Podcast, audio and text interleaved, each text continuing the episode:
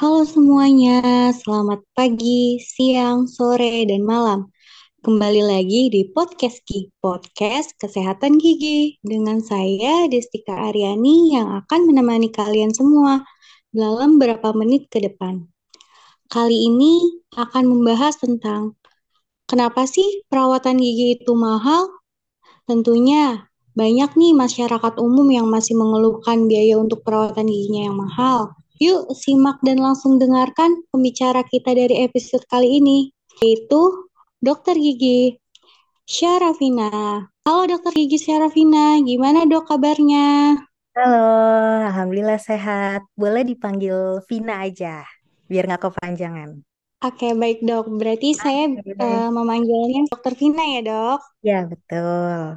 Oke, baik dok. Sebelumnya dipersilakan untuk memperkenalkan diri lebih dahulu ya dok. Halo semuanya, perkenalkan nama saya Dr. Gigi Vina. Saya lulusan dari Universitas Yarsi Jakarta. Untuk kesibukannya saat ini saya bekerja di beberapa klinik di daerah Jakarta. Nah, di podcast ini saya akan menjelaskan kenapa sih biaya dokter gigi itu mahal. Nah, yang penasaran boleh disimak ya podcastnya. Salam kenal dokter. Uh, Oke okay, dok, untuk mempersingkat waktu uh, ada pertanyaan untuk dokter nih dok. Untuk pertanyaan pertama itu, mengapa biaya kunjungan ke dokter gigi cenderung mahal? Dan apa saja faktor yang menyebabkan biaya perawatan gigi menjadi mahal? Kenapa sih dok kira-kira dok? Oke, gini ya. Uh, kenapa sih kunjungan ke dokter gigi itu mahal? Jadi kalau kita ke dokter gigi itu kan ada dua jenis uh, biaya ya, ada biaya konsultasi atau biaya tindakan. Nah, untuk yang konsultasi biasanya itu tidak disertai dengan tindakan. Nah, untuk kasus-kasus seperti misalnya sakit gigi atau tindakan-tindakan yang tidak bisa dilakukan pada hari itu nih. Nah, itu ada namanya biaya konsultasi. Nah, kemudian untuk tindakan biasanya itu tidak ada lagi namanya biaya konsultasi, tapi hanya biaya tindakan. Nah, kalau konsultasi biasanya itu eh, apa sih yang dihargai? Ya, tentunya yang dihargai itu ilmunya, kemudian waktunya, gitu kan. Nah, kemudian kalau untuk tindakan, biasanya kalau ke dokter gigi itu kan nggak hanya menggunakan satu satu alat dan satu bahan ya. Ada berbagai macam alat, berbagai macam bahan. Sedangkan untuk harga alat dan bahan kedokteran gigi itu harganya bisa lumayan gitu. Bahkan sampai ratusan atau jutaan bisa bisa sampai segitu gitu. Nah, kemudian juga ada ditambah uh, listrik, kemudian ada biaya air juga yang lumayan banyak. Nah, mungkin uh, karena faktor-faktor itu yang membuat kunjungan ke dokter gigi itu cenderung mahal gitu. Wah, berarti faktornya banyak ya dok ya. Ada alat, ada bahannya juga ya dok ya, dan iya, lainnya ya dok. Iya, betul. Makanya itu uh, menjadi salah satu uh, alasan kenapa uh, untuk ke dokter gigi ini mahal ya dok. Iya, betul sekali. Karena kan kita uh, dapat uh, alat sama bahannya itu kan untuk beli ke suppliernya juga harganya lumayan ya gitu. Mungkin ya itu itu sih yang jadi faktor utama kenapa biaya perawatannya jadi mahal gitu. Oke, baik dok. Uh, mungkin uh, kita lanjut lagi ya dok. Untuk pertanyaan berikutnya, apakah ada dok perbedaan biaya perawatan gigi antara berbagai negara, daerah, rumah sakit, atau klinik dok? Nah, untuk biaya perawatan itu tentu berbeda ya. Biasanya harga itu kan mengikuti pendapatan tiap negara atau daerah gitu kan. E, karena harga modal alat bahan dan lain-lainnya itu yang seperti disebutkan di pertanyaan nomor satu, tiap negara atau daerah itu berbeda harganya. Nah, sama halnya e, seperti harga makanan deh gitu. Harga makanan, transportasi, biaya hidup, sewa tempat itu setiap daerah itu kan berbeda-beda ya. Nah, kalau misalnya di Jawa misalnya gitu kan uh, biayanya kok lebih murah gitu daripada hidup di Jakarta. Nah, itu juga yang membedakan gitu. Nah, kemudian alat bahan kedokteran gigi yang banyak jenisnya dan terus update. Nah, itu juga kan uh, yang membuat biayanya itu berbeda di setiap negara, daerah, rumah sakit ataupun klinik gitu. Karena kan alat-alat dan bahannya tidak semuanya sama gitu. Mungkin misalnya kayak uh, jenis tambelan sinar gitu. Tapi kan bahan tambelan sinar itu nggak hanya satu merek gitu, banyak mereknya dari mulai yang biasa aja, sedang, sampai yang paling bagus gitu. Nah tentunya semakin bagus bahannya akan semakin mahal biaya perawatannya gitu. Nah, kemudian untuk rumah sakit-rumah sakit tertentu, misalnya rumah sakit pemerintah gitu. Nah, kenapa bisa lebih murah? Karena yang saya tahu biasanya rumah sakit pemerintah itu kan lebih murah ya dibandingkan klinik atau rumah sakit swasta. Nah, itu karena mereka dapat subsidi dari pemerintah gitu. Itu dia yang uh, membuat biaya perawatannya juga lebih murah gitu dibandingkan klinik atau rumah sakit yang swasta gitu. Wah, berarti berbeda-beda ya dok ya untuk biaya perawatan giginya. Kalau seperti rumah sakit itu dok atau klinik itu apakah bisa memakai seperti BPJS gitu dok? Ada rumah sakit dan klinik tertentu memang yang bisa menggunakan BPJS. Kalau klinik itu biasanya klinik Pratama. Nah, itu biasanya e, bisa pakai BPJS tuh. Kalau rumah sakit yang menggunakan BPJS ya mungkin rumah sakit-rumah sakit pemerintah atau ada juga rumah sakit swasta yang bekerja sama dengan e, BPJS ataupun asuransi kesehatan biasanya gitu. Oke, seperti itu ya, Dok. Kita lanjut lagi ya, Dok, dengan pertanyaan yang berikutnya. Apakah ada cara untuk mengurangi biaya perawatan gigi atau mencegah masalah gigi yang memerlukan perawatan yang mahal, Dok? Nah, gini ya. E, kalau kita mau perawatan gigi yang nggak mahal, bisa dicegah. Gimana caranya? Dengan menjaga kesehatan gigi kita. Jadi dimulai dari kita sendiri Caranya sikat gigi dua kali sehari, pagi dan malam. Kemudian uh, menyikat gigi yang benar. Untuk cara menyikat gigi yang benar mungkin bisa langsung kontrol ke dokter gigi ya, biar dijelaskan langsung oleh dokter giginya. Nah, terus juga kontrol ke dokter gigi itu uh, paling tidak enam bulan sekali gitu. Karena ketika ada masalah pada gigi bisa dicegah sedini mungkin. Tapi biasanya orang-orang datang kalau sudah sakit gigi. Sedangkan kalau kondisinya sudah begitu, pilihannya ya cuma perawatan atau cabut yang biayanya tentu lebih mahal daripada perawatan sebelum gigi ada keluhan gitu. Jadi semua itu pilihan apakah mau mencegah atau mengobati dengan biaya yang lebih mahal.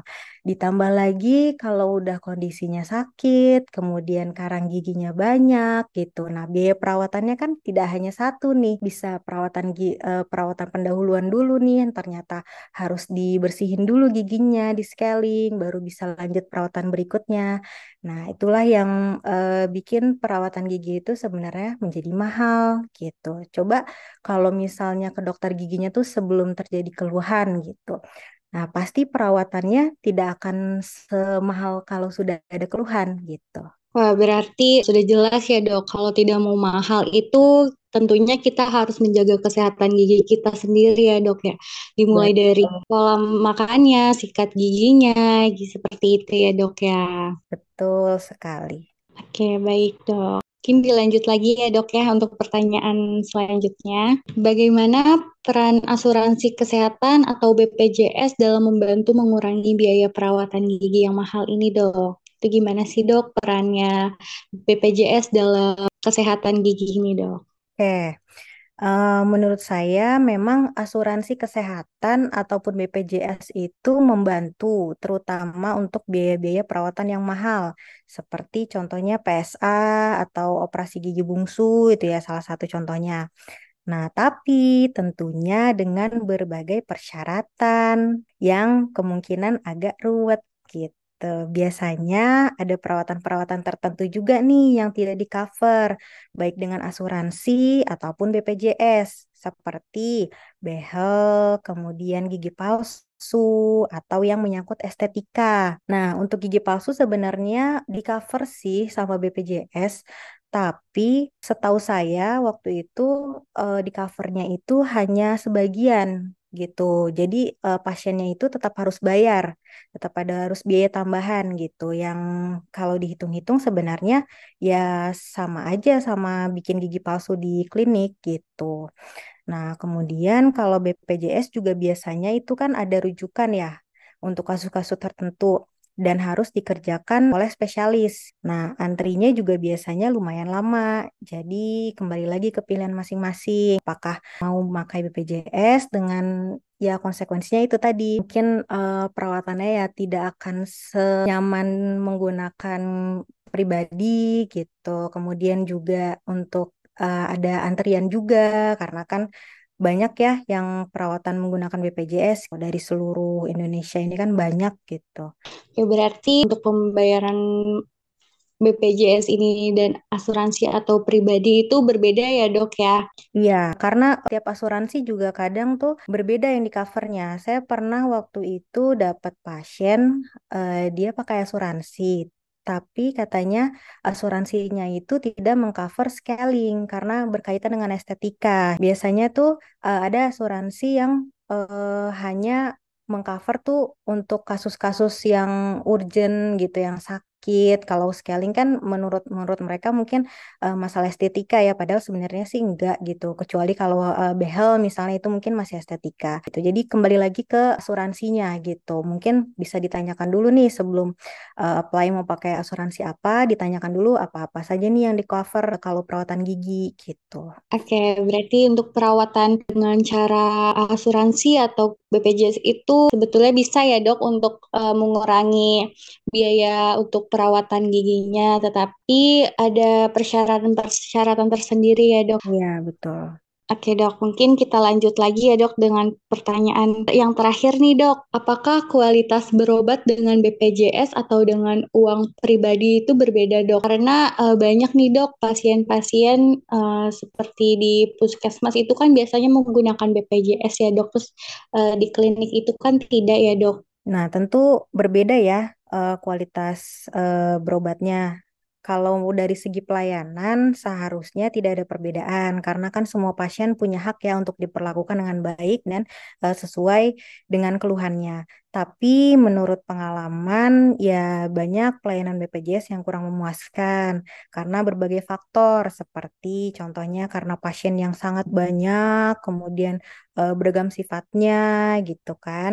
Dan uh, alat bahan yang terbatas juga, alat-alatnya ya Misalnya satu hari itu uh, kalau di puskesmas kan bisa sampai 50 ya, 50 pasien gitu. Sedangkan alatnya misalnya hanya ada 30 set. Terus juga uh, bahan-bahannya itu juga terbatas. Tuh, kayak misalnya kalau udah sudah habis mau permintaan juga sulit misalnya seperti itu. Kemudian juga uh, mereknya juga ya mungkin yang standar gitu karena kan anggarannya juga uh, menyesuaikan ya dengan kapitasi puskesmasnya gitu karena menyesuaikan juga kalau dengan uang pribadi kan biasanya bisa disesuaikan nih dengan kebutuhan dan pilihan pasien dan tentunya perawatannya juga akan lebih maksimal dan juga nyaman. Misalnya, uh, saya mau tambalannya yang bagus dok. Nah, berarti kan uh, bisa nih kalau pakai pribadi oh iya kita ada pilihannya ini ini ini ini gitu. Tapi kan kalau di uh, dengan BPJS itu kan pasien tidak bisa memilih ya.